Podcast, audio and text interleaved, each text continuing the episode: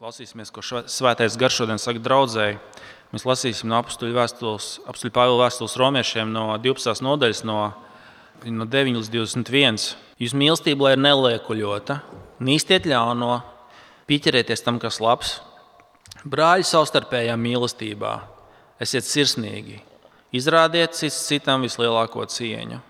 Gar dedzībā un kalpošanā kungam ne, nemitējieties būt uzcītīgi priecādamies cerībā, izturēdam ciešanas, pastāvēdam lūgšanās. Esat izpalīdzīgi svētajiem un viņu vajadzībās. Tiecīte, tiecieties būt viesmīlīgi. Svētījiet tos, kas jūs vajā, un svētījiet un nenolādiet. Priecājieties, priecājieties līdz ar priecīgajiem, raudiet ar tiem, kas raud. Izturieties vienādi pret, cits pret citu. Nedzenieties pēc augsta goda, bet sajieties ar zemajiem Nēsiet pašgudri. Neatmaksājiet ļaunu ar ļaunu, bet polieties darīt labu visu cilvēku priekšā. Cik iespējams no savas puses turiet mieru ar visiem cilvēkiem. Mīļotie, neatriebiet paši, bet ļaujiet nākt dieva dusmībai. Kā ir rakstīts, man pieder atriepšana, es atmaksāšu, saka kungs. Bet, ja tavs ienaidnieks izsalcis, paēdini viņu, un, ja izslāpis, dod viņam dzert, tā darīdams, tu sakrāsi kvēlojošs ogles uz viņa galvas. Neļauj ļaunumam sevi uzvarēt, bet uzvari ļaunu ar labu. Tas ir Dieva vārds. Aizlūksim, lūksim, pirms mēs ieklausāmies Dieva vārdā, lai Dievs uz mums runā. Es atkal izmantošu šos pašus vārdus no 12. nodaļas otrā panta. Un, lai tie mums kalpo kā lūkšana, kad mēs eh, gatavojamies klausīties Dieva vārdu. Ja? Tad 12.2. Netopiet šim laikam līdzīgi, bet pārvērtieties atjaunodamies savā prātā, lai jūs varētu izprast, kas ir Dieva griba, to, kas ir labs, tīkams un pilnīgs. Kungs, tiešām mēs visi esam savu laika produkts, savs kultūras produkts, un mēs daudzās lietās līdzinamies šim laikam. Bet tiešām kā svētais gars mums ir devis jaunu sirdi, tad palīdz mums caur tavu patiesību, caur tavu vārdu, atjaunoties savā prātā un saprast, kas ir labs, tīkams un pilnīgs, kāda ir tava griba. Dod mums ne tikai eh, zināšanas par to, kas mums jādara, bet arī vēlmi no tava evaņģēlīja, dēļ tavas apžēlošanās to, to arī izpildīt. Palīdz, lai tiešām lai mēs neesam eh, tādi kā šī pasaule, lai mūsu apkārtējie redz, eh, ka tava valstība ir mūsu vidū, un lai tiešām viens, viens pret otru arī savā draudzē pret, pret tiem, kas ir ārpusē, mēs varam nevis liekulīgi, eh, formāli uzliekot masku, bet, eh, bet eh, no sirds atklāt tavu mīlestību, Tēvs. Kā tu mūs esi mīlējis, palīdz, lai mēs arī varam mīlēt viens otru. To lūdzam Jēzus vārdā. Āmen. Āmen. Mēs tikko dzirdam, ka evanģēlijas atjauno mūsu prātu. Tā, tā, tāda ir galvenā doma, Dieva apžēlošanās, izmaina, kā mēs domājam. Un pagājušā reizē mēs dzirdējām par to, ka Pāvils, kā Pāvils saka, ka evaņģēlijas izmaina mūsu skatījumu uz sevi, ka mums nav jātiecās visu laiku justies, ka mēs esam labāki par, par tiem, kas mums ir blakām. Evaņģēlijas mums dod tik stipru un stabilu drošību, ka mēs varam sākt domāt, kā kalpot citiem un paaugstināt. Skatījums uz sevi mainās. Un šodien no tā izriet divas lietas. Tas evaņģēlis izmaina, kā mēs skatāmies uz sevi, un šodien Mēs runāsim par to, kā evaņģēlijas izmaina, kā mēs skatāmies uz apkārtējiem. Tā galvenā doma ir, ka evaņģēlijas mūs izmaina skatījumā uz tiem, kas mums ir apkārt. Nu, mēs redzēsim divas lietas, divas, kā, divas grupas pavisam vienkārši. Kā mēs skatāmies uz cilvēkiem draudzē, un kā mēs skatāmies uz tiem, kas ir ārpus draudzes. Ja? Kā mēs skatāmies um, uz cilvēkiem draudzē un kā mēs skatāmies uz tiem, kas ir ārpus draudzes. Un pirmā, tā galvenā, pavisam, eh, pavisam vienkārši, jums ir arī punkts uz, lapi, uz lapiņas. Eh, tā, tā, tāda aptverošā doma, kas, ir, kas mums ir pateikta, kad Dieva žēlastība izmaina skatījumu uz pārējiem tajā ziņā, ka mēs ieraugām, ka Dievs draudzē veido ģimeni. Nepavēlti mēs sakām, ka Dievs ir mūsu tēvs. Mēs viens otru saucam par brāļiem un māsām. Ja? Un, un tas skatījums uz citiem draudzē vairs nav kā uz svešiniekiem, bet kā uz ģimeni. Tā ir tā galv, galvenā lieta, kas mums kas ir jāsaprot, kā mūsu prāts at, at, atjaunojas skatoties to, kas ir draudzene. Tā ir ģimene. Redziet, tā tad šis te astotais pāns, es atvainojos, nevis astotais, devītais pāns, 12.9. Jūsu mīlestība, lai ir neliekuļota, nīstiet ļauno, pieķerieties tam, kas labs. Brāļu savstarpējā mīlestībā esiet sirsnīgi, izrādiet citām vislielāko cieņu. Gar dedzībā un kalpošanā kungam nemetieties būt uzticīgi, priecājieties cerībā, izturēdam ciešanas, pastāvēdam lūgšanās. Esat izpalīdzīgi svētajiem viņu vajadzībās. Tiecieties būt viesmīlīgi, svētījiet tos, kas jūs vajā. Svētījiet un nenolādiet. Priecājieties līdz ar priecīgiem, raudiet ar tiem, kas raud. Izturieties vienādi cits pret citu.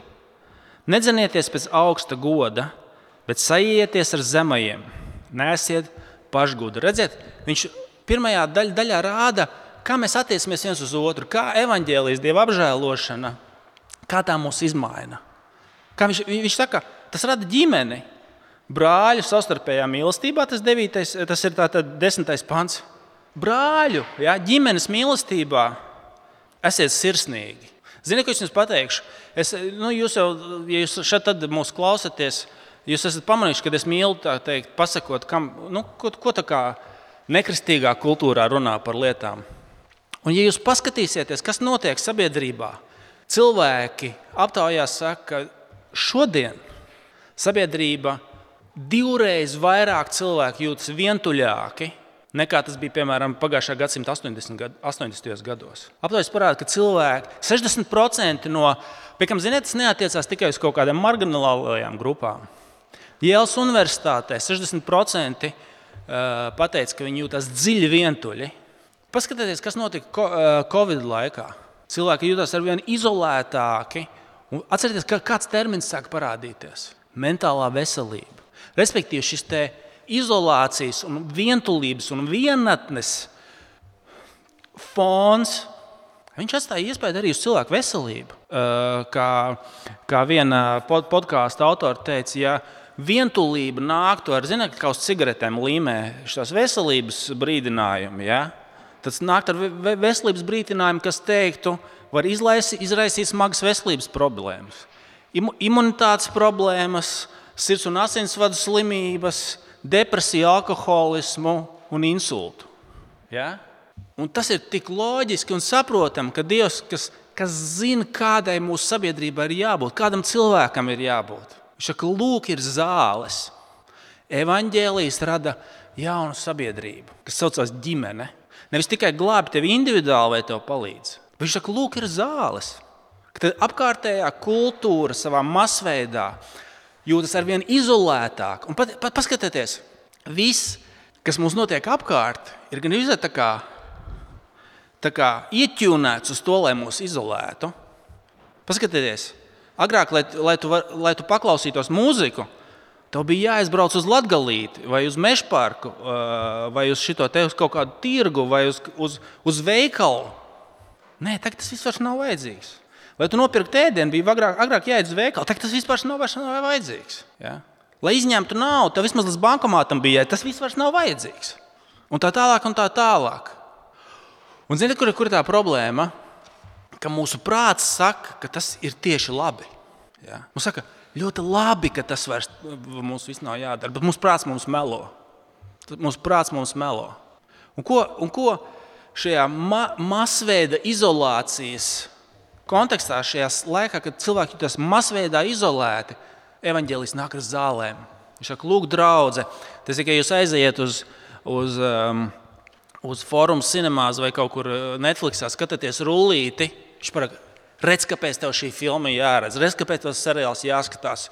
Un draudzes uzdevums ir būt kā šim te. Es, ne, es negribu teikt liekulīgi. Paskatieties, viņš saka, tai, tai uh, mīlestībai jābūt sirsnīgai, nevis liekuļotai. Hipokrītos grieķu valodā bija. Eh, viņi atcerieties, grieķu teātrī bija tās maskas, kas uzliek. Hipo, hipo, hipokri, eh, tas tas angliski hipokrisija, ja, šī, šī viena eh, no, no grieķu valodas hipokritos, kas uzliek masku. Un Pāvils saka, ka viņš saka sirsnīgai, ka tā ir īsta. Nevis fasāde, kas tēlo, ja kā reklāmas rullīt, ne tādā nozīmē es to domāju, bet lai tā ir sirsnīga.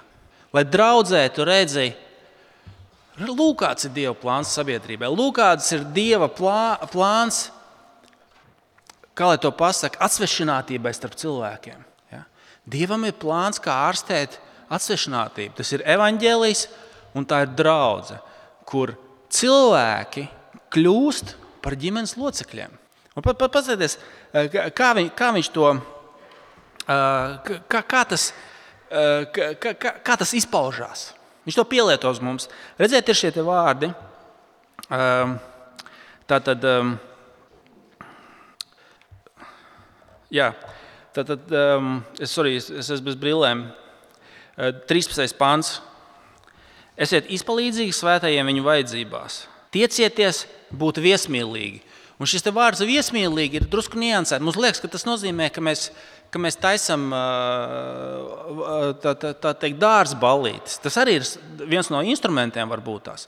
Bet viesmīlīgi, un šeit es, es, es cenšos nekad grieķu valodā ar jums nerunāt. Bet tas vārds, kas šeit ir viesmīlīgi, drusku viņš vēl ir niansētāks un drusku tā kā vēl tālāk mūs aizveda. Viņš nāk no tas, ko mēs zinām. Ziniet, kas ir ksenofobija? Ksenofobija tas ir bailes no svešiniekiem. Un tur tas vārds, kas grieķu valodā ir ksenofīlija, respektīvi mīlestība pret svešiniekiem. Ja tu saki, zini, man nav tādas infrastruktūras, kā taisīt balīdzes visiem, man nav kur uzņemt viesus, te ir runa par, par, drusku par kaut ko vairāk. Pieņemiet svešinieku, mīliet svešiniekus, esiet, esiet atvērti pret svešiniekiem. Ja sabiedrībā notiek maksimāla izolācija no svešā, Tad draudzē, kā tad izpaužās šī brāļa mīlestība, māsu mīlestība? Šī sabiedrība, kur sienas tiek nojauktas un, un ir pieņemšana. Ja? Tas izpaužas tā, ka tu esi atvērts svešajam.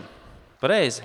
Esiet draudzīgi pret svešiniekiem. Lūk, tas, kā, kā, kā tas pavisam konkrēti izpaužās. Un tas ir, protams, tas nav kaut kas, ko mēs, ko mēs uh, gribam darīt. Ja? Mūsu prāts, ziniet, es teicu, mūsu prāts mums melo, viņš mums saka, ka tas mums nav vajadzīgs. Es, es klausījos, tagad uh, vienkārši netīšām atcerējos par, jūs esat dzirdējuši, agrāk es pieminēju, pieminēju šo te uh, doktora Santos Happiness Lab. Uh, podkāstu, ja, kur viņai bija. Viņa atklāja, ka viņas Jēlas universitātē visi studenti ir nelaimīgi. Viņa tagad domā, ok, man jāsaka, tā, ka viņa nav kristiete. Man tā kā jāsāk domāt, ka, ka, kur ir problēmas. Un viņai Jo pašā sākumā viens no pirmajiem podkāstiem ir tieši, tieši saucās kļūdaini meklējot vien, vienatni. Viņš saka, mūsu smadzenes mums melo un saka, mums vajag meklēt vienatni. Bet patiesībā viss pētījumi parāda, un tas ir svarīgi, ir uzmanīgi. Mēs domājam, parasti ir cilvēki ekstraverti, kas dabūna enerģiju cilvēkos, un tad ir introverti, kas, kas zaudē enerģiju cilvēkos. Ja? Cilvēki man atņem enerģiju. Un viņi saka, ka visi pētījumi īstenībā parāda, ka arī introverti, kas domā, kuriem smadzenes melo, ka viņam labāk būt vienam, ir laimīgāki, ja viņi parunā ar svešiniekiem. Tur viņi uzskaita pētījumu, pētījumu, pētījumu, pētījumus. Ka tas, vai mēs parunājam ar svešiniekiem, ir viens no laimīguma, no prieka iemesliem. Vai mēs parunājam ar svešiniekiem, bet mūsu smadzenes mums melo un saka, nē, ka tev ir jāvairās no svešiniekiem. Un mums šeit ir zāles, Pāvils pasaka, ja, kā, izpaužas, kā izpaužas tas, ka Dievs ārstēs sabiedrību un nojauš šīs izolācijas, izolācijas sienas. Viņš saka, tev smadzenes melo un saka, ka tas tev nav vajadzīgs. Tev ir jādomā, teiksim tā. Es teikšu tā, lielākā daļa no mums, ja ne visi, esam noskrējušies, nomocījušies, cenšamies izdzīvot, tikt galā ar saviem uzdevumiem Mēs sakām, tas smadzenes saka, man nav tam laika, man nav tam resursu vēl svešiniekiem. Un Dievs saka, tas smadzenes melo. Es negribu trivializēt un nonicināt mūsu kopējo nogurumu. Ja? Lorija Santos arī par to runā. Viņa saka, ka sabiedrībā tas, tas, tas ir laika bats. Mēs visi esam laika badā. Un mūsu smadzenes saka, man nav tam laika. Un Pāvils saka, ok, tev smadzenes to saka, bet es tev saku, ka tu būsi laimīgāks, sabiedrība būs. Kā, kā mēs ārstēsim, kā, kā, kā būs dziedināšana no izolācijas? Ja? Kungs saka, svētais gars tevi atjauno šādā veidā, ka, ka tu būsi atvērts svešiniekiem. Ja? Un tāpēc jums mājas darbs, kas būs tas viens solītis, ko tu spērs pretī kādam svešiniekam? kur saka, es neko no tā neiegūstu. Es, no tā, tas man neko nedod. Ja? Vien, es, kas būs viens solis? Ja? Kas būs kaut kāds viens solis, kur teiksi, varbūt Jēzum ir vērts paklausīt. Ja? Varbūt viņš kaut ko tomēr arī zina. Kurš būs atvērts svešiniekiem? Pāvils saka, esiet viesmīlīgi, esiet atvērti pret svešiniekiem. Tāpēc, kad, ziniet, kas ir pats lielākais, mēs, mēs nonāksim pie, pie, pie, pie tā avota, kur tas nāk drus, drusku vēlāk. Esiet atvērti pret svešiniekiem. Redziet, viņš e, šo pašu domu turpina. Priecājieties līdz ar priecīgajiem, raudiet ar tiem, kas raud. Izturieties vienādi cit, cits pret citu. Nedzinieties pēc augsta goda, bet sajieties ar zemajiem. Ja? Atkal. Tas, kas tev neko nedod, tas, kas neizceļ tev neko. Kas būs tas, kur, kur, kur, ne, kur, kur būs tā lieta, kur mēs, kur mēs paklausībā Kristum teiksim, jā, tas ir tas, kas man ir vajadzīgs. Kaut arī pats man smadzenes saka, ka tas man tikai kaut ko atņems. Kas būs tas? Kas būs tas vienkāršais solis? Okay? Tad otrā lieta, tas ir kā uz draugu. Brāļu māsu mīlestība. Cik no jums, sorry, šo tēmu paturpināšu, cik, cik no jums atcerieties savu bērnību vai tīņu gadus, kad tev bija brālis vai māsa, ka tu viņus ar tīru, št, absolūtu, nesvētu naidu ienīdi, vismaz kādā brīdī. Ja? Tā bija vistīrākā un visskaidrākā lieta tavā dzīvē, ko tu zināji. Ja? Bija tādi momenti, Es zinu, ka man tā bija. Un šobrīd mans, mans vecākais brālis, kuram es arī dažreiz teicu, es tevi nositīšu, un es to tajā brīdī tā arī domāju. Ja? Man ir vienkārši mums ir īstas, labas attiecības. Tā ir ģimenēs. Tas nenozīmē, ka viņš nebija mans brālis ja, tajā brīdī. Tas nav šķērslis. Ja, tā ģimenēs ir brāļi un māsas. Un tas ir kaut kas, kur, kur evanģēlis saka, ka audzēt tajā. Un es jums no otras puses pateikšu. Iedomājieties, ka tev būtu brālis un māsa, vai māsa, vai brāļi, vai māsas, un tu nekad viņus negribi satikt, tu nekad viņus negribi redzēt, ka tu ieraugi viņu uz ielas, tu pagriezies pretējā virzienā, ka tu sastopies draudzē ar viņiem, tu centies, ne, lai jūs acis nekad nesatiktos. Jūs tēvs vai māte teikt, vai jūs saviem bērniem teikt, dēliņi, mums ir problēma. Ja? Bet tā mēs bieži vien izturējamies pret draugu. Pareizi. Mēs gribam ieslīdēt un aizslīdēt. Nekad pāriet otrā ielas pusē. Nevienu nekad nesaka, tas ir starp mani un Dievu. Un Tēvs mums saka, dēliņa, meitiņa, mums ir problēma. Šī ir, ne, šī ir nelabvēlīga ģimene. Ja? Protams, kad, kad tu kā tēvs vai māte savus bērnus teikt, kā, nu, viņus censtos kaut ko tur dziedināt tajā situācijā. Lūk, tieši tāpat ar evaņģēlijas. Ja? Dieva Dieva ģimene, tas, tas ko Svētais Gars rada, ko evaņģēlijas rada, un viņš ārstē dziedina šo izolāciju. Un es jums vēl vienu liecības vārdu pateikšu. Ja, es, un tie nav, es uzreiz pateikšu, tie nav cilvēki, kas, uh, ko man ir no malas teikuši, ko es pazīstu. Uh, viņi nav kristieši. Uh, viņi nav kristieši. Vismaz kāda daļa no viņiem, vai tie ir cilvēki, kas nav draugi, viņi varbūt ir kristieši, bet viņi nav draugi. Viņi saka, ok, man nepatīk tā kā, tā kristietība. Un es saku, tie nav nabadzīgi kaut kādi, kuriem kā nav opcijas dzīvē. Ja? Viņš jums nosauc, jūs zināt, kas tie pa cilvēkiem. Nevis tāpēc, ka jūs viņus personiski pazīstat. Es saku, labi, man tas viss tā, bet kad es jums pateikšu, jūs tajā baznīcā tur esat viens otram. Jūs bērni uzaug kopā, jūs pazīstat viens otru, jūs esat iesaistīti viens otru dzīvē. dzīvē. Viņi to no malas redz. Ja? Un tas, tas ir bijis ar visām mūsu trūkumiem, kļūdām, visu kaut kādām nepilnībām. Tas man bija tas, ok, ok, ok, kaut, kaut ko tomēr kungs dara. Ja? Dievs ārstē šo iz, izolētību un atsvešinātību dažādām grupām, cilvēku grupām ar evaņģēlīju saliedējot ģimenē. Okay, tas ir kā viens uz otru. Desmit minūtes lasi noslēgsim. Kā uz ārpusi. Kas raksturo uh, draudzes um, attieksmi uz ārpusi, izmaiņas skatījumu uz ārpusi, uz citiem? Tā lieta ir apžēlošanās, jeb žēlastība, atdošana saviem ienaidniekiem. Kas ir tā, tas, tas tā kā ūdens zīme, ka mēs spējam piedot tie, kas mums ir nodarījuši pāri? Paskatieties, 17. pāns. Neatmaksājiet ļaunu ar ļaunu, bet pūlieties darīt labu visu cilvēku priekšā, cik iespējams. No savas puses turiet mieru ar visiem cilvēkiem. Mīļotie, neatriebiet paši, bet ļaujiet, lai nāk Dieva dusmība, kā ir rakstīts Man pieder atriepšana, es atmaksāšu, saka kungs. Bet, ja tavs ienaidnieks ir izsalcis, paēdiņu viņu, ja izslāps, dod viņam dzert, tā darīdams, tu sakrās kvēlojošs ogles uz viņu galvas. Neļaujiet ļaunumam sevi uzvarēt, bet uzvariet ļaunu ar labu. Uh, ja mēs šodien uh, vasaras svētkos runājam par to, ka svētais gars mums dod, dod to, mēs paši, kas mums pašiem nav. Šis punkts ir tas, kur domāju, mēs visi sajūtam, ka tas nav iespējams. Mēs to cilvēciski nevaram izdarīt. Mēs cilvēciski, tā nav vienkārši tāda kaut kāda sociālās reformēšanās pulciņš, kristietība, nu, kur mēs centīsimies būt labāki. Mēs nespējam mīlēt savus ienaidniekus. Mēs nespējam piedot, ka mums ir nodarīts pāri. Cilvēciski tas nav iespējams. Tas, tas kā Pāvils to šeit mums parāda, mēs nevaram to izpildīt. Tas nav mūsu spēkos. Un tajā pat laikā tas ir tas, ko Kristus ar mums ir darījis. Tā kā mēs viņu nemeklējām, kad mēs pēc viņa vēl netaujām, ka mēs bijām pret viņu. Ja mēs būtu tajā dienā pie krusta, mēs teiktu, sit viņu krustā. Ja, lai kādas man nebūtu pretenzijas pret Melu Gibsonu filmu, kaut arī man tur dažas lietas liekas, kopumā, bet es neteikšu pretenzijas, bet iebildu dažas tādas kriti, kritika ja, pret Melu Gibsonu filmu Kristus ciešanas. Tur ir epizode, kur Kristus ir krustā, un, un viņš speciāli gribēja, viņa ner, nerāda, viņš tur to naglu ar ko sit krustā. Ja? Ko viņš to grib pateikt? Es viņu būtu cits krustā. Es, es biju Dieva ienaidnieks tajā brīdī. Un ko Dievs darīja? Viņš teica, Dievs piedod viņiem, viņi nezina, ko viņi dara. Kāpēc mēs šeit sēžam un mēs iesim pie kunga galda un varam būt tajā Dieva ģimenē, ko Dievs rada? Tāpēc, ka viņš, viņš piedeva, piedeva saviem ienaidniekiem. Viņš neatrieba, viņš cieta.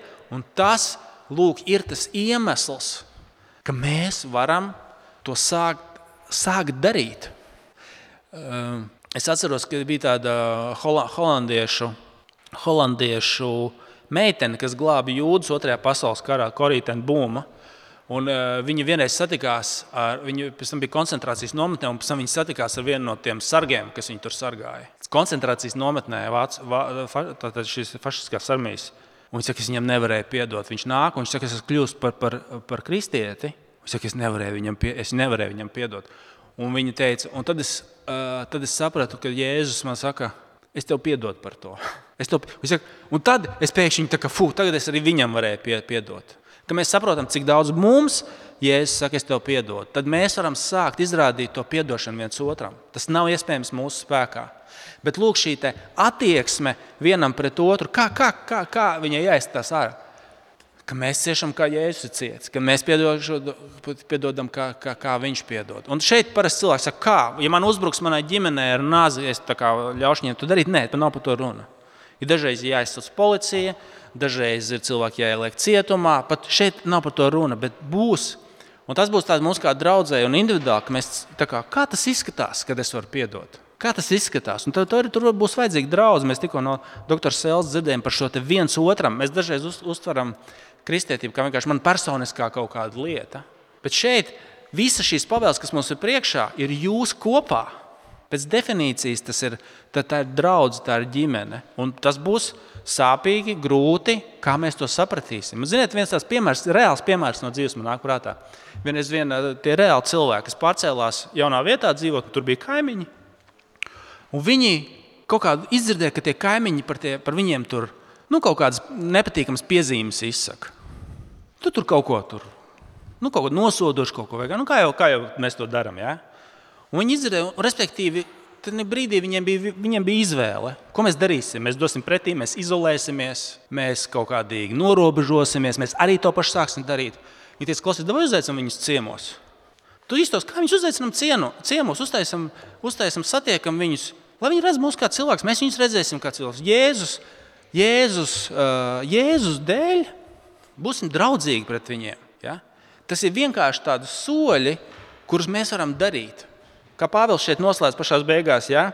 pēdējais, pēdējais pāns, uh, 21. pāns. Neļauj, tā. Neļaujiet ļaunumam sevi uzvarēt, bet uzvariet ļaunu ar labu.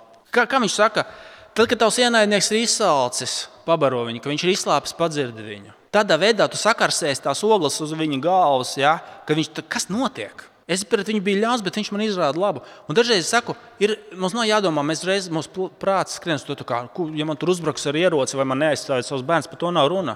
Mēs, ir pavisam vienkārši ir vienkārši dzīves situācijas, kur mēs varam īstenot šo atdošanu. Tas nenozīmē to, ka mums nav jāiet runāt vienam ar otru, kā Jēzus saka. Ja tev ir kaut kas pret brāli, neļauj tam rūkumam tur uh, rūkt, bet ej runā ar viņu. Ja? Un tā tālāk, un tā tālāk. Bet lai šis, šis princips, lai viņš sāk mūsu dzīvē, dzīvē parādīties, tāpēc ka Jēzus mums ir piedevis, tāpēc piedosim viens otram. Un tāpēc es domāju, šī rakstiet mums uzliek diezgan tādu labu sarakstu. Viņi uzliek mums labu sarakstu. Mēs sakām, ja tu paskaties tajā, saki, es negribu ar, ar cilvēkiem, ar kuriem man nav nekā kopīga satikties. Es negribu būt draudzīgs pēc svešiniekiem. Es negribu piedot tiem, kas man ir nodarījuši pāri. Es nedaru, man tas viss apsūdz, man tas pazudzina. Tas saraksts ir tāds, kurus nevar izpildīt. Um, mums vajadzīga Dieva palīdzība. Ja mēs sacījām, ka Svētais Gars mums atnes, atnes to, kas mums nav pašiem, mums vajag pirmkārt piedzīvot, ka Dievs mums pašiem piedod. Ka tā atdošana, ko Dievs piedod, ir daudz lielāka, uh, kā mēs to esam pelnījuši. Mēs neesam to pelnījuši. Tas avots, iemesls ir, ka Dievs ir bijis tāds pret mums. Mēs bijām svešinieki viņam, mēs neiederējāmies viņa ģimenei. Viņš neko no mums neieguva. Un, kā, ja, ja, ja tu saki, nē, nē, es neesmu izolēts, man, viss, man ir labi, man ir mans komfortablais, jaukais draugu pulciņš. Mēs tiekamies tādā labā, drošā, noslēgtā. Mums viss ir kārtībā, es nejūtos izolēts. Tad ja es saku, ok, ļoti labi. Bet tad evanģēlīja dēļ, Jēzus, Jēzus dēļ, dēļ kā, tā, ka viņš tev bijis, padod to tālāk. Ja, ja tev ir pārpilnībā, padod to tālāk. Neesi tik, tik ļoti izsalcis, izslāpis. Ja? Uh, padod tālāk, padod to tālāk. Esi labās vēstures nesējis citiem. Tāpēc, ka viņš pieņēma svešinieks, kas mēs nebijām pelnījuši. Lai tas mūs motivē, kā viņš pret mums rīkojas, lai tas mums motivē uh, to nest tālāk viņa dēļ citiem. Un, ka mēs nevaram, uh, ka mums ir rūkums, vai nevaram piedot, vai mums ir dusmas, vai mēs esam aizvainoti, vai mums nodarīts pāri. Um, tad mums būs jāiet runāt. Mums būs jāizlīdzinās. Ja mums kaut kas ir pret brāli, ej un runā. Bet kopumā, ja es saku, kā tas izpaudīsies, ka mēs esam ģimene un pret tiem, kas ir ārpusē, šeit tā otra daļa tieši tāpēc, ka viņš mums ir piedevis, mēs varam sākt domāt. Vispār par to, ka mēs varam piedot citiem. Okay? Tas, ko viņš mums ir idejas, avots. Trešā, trešā lieta, kas šeit ir avots, tas, atcerieties, ar ko viņš sāk. 12.1. var pašķirt sev atpakaļ. Tas jums nav priekšā, bet Bībelēs Ka, kas ir tas, kas ir motors? Dieva apžēlošanās. Tāpēc, ka Dievs ir apžēlojies pret mums. Es jūs aicinu, brāļi, Dieva apžēlošanās dēļ, nododies sev pašus. Tā ir jūsu apzinīgā kalpošana Dievam, kā dzīves svēts un Dievam tīkams upurs. Tas motors, kas mums zina, kas vispār šo padara iespējamu, tas, ka Dievs ir apžēlojies par mums. Tāpēc arī tagad nesīsim visus savus grēkus, par kuriem mēs zinām, ka mums vajag, lai apžēlojas Dievs Jēzu par, par mums. Pie krusta nesīsim pie grēksūdzes lūgšanas, kur Dievs mūs pabaro ar savu svētumu, kas ir izsalkuši pēc izslāpuši pēc taisnības. Viņš mums pabaro visu, kas ir Kristus. Viņš mūsu grēku un, un, un soda un, un pazudināšanas vietā ieliek savu mīlestību, apžēlošanu un Kristus svētumu viņa dēļ, ko mums atnes, atnes svētais gars, kas pašiem mums nav.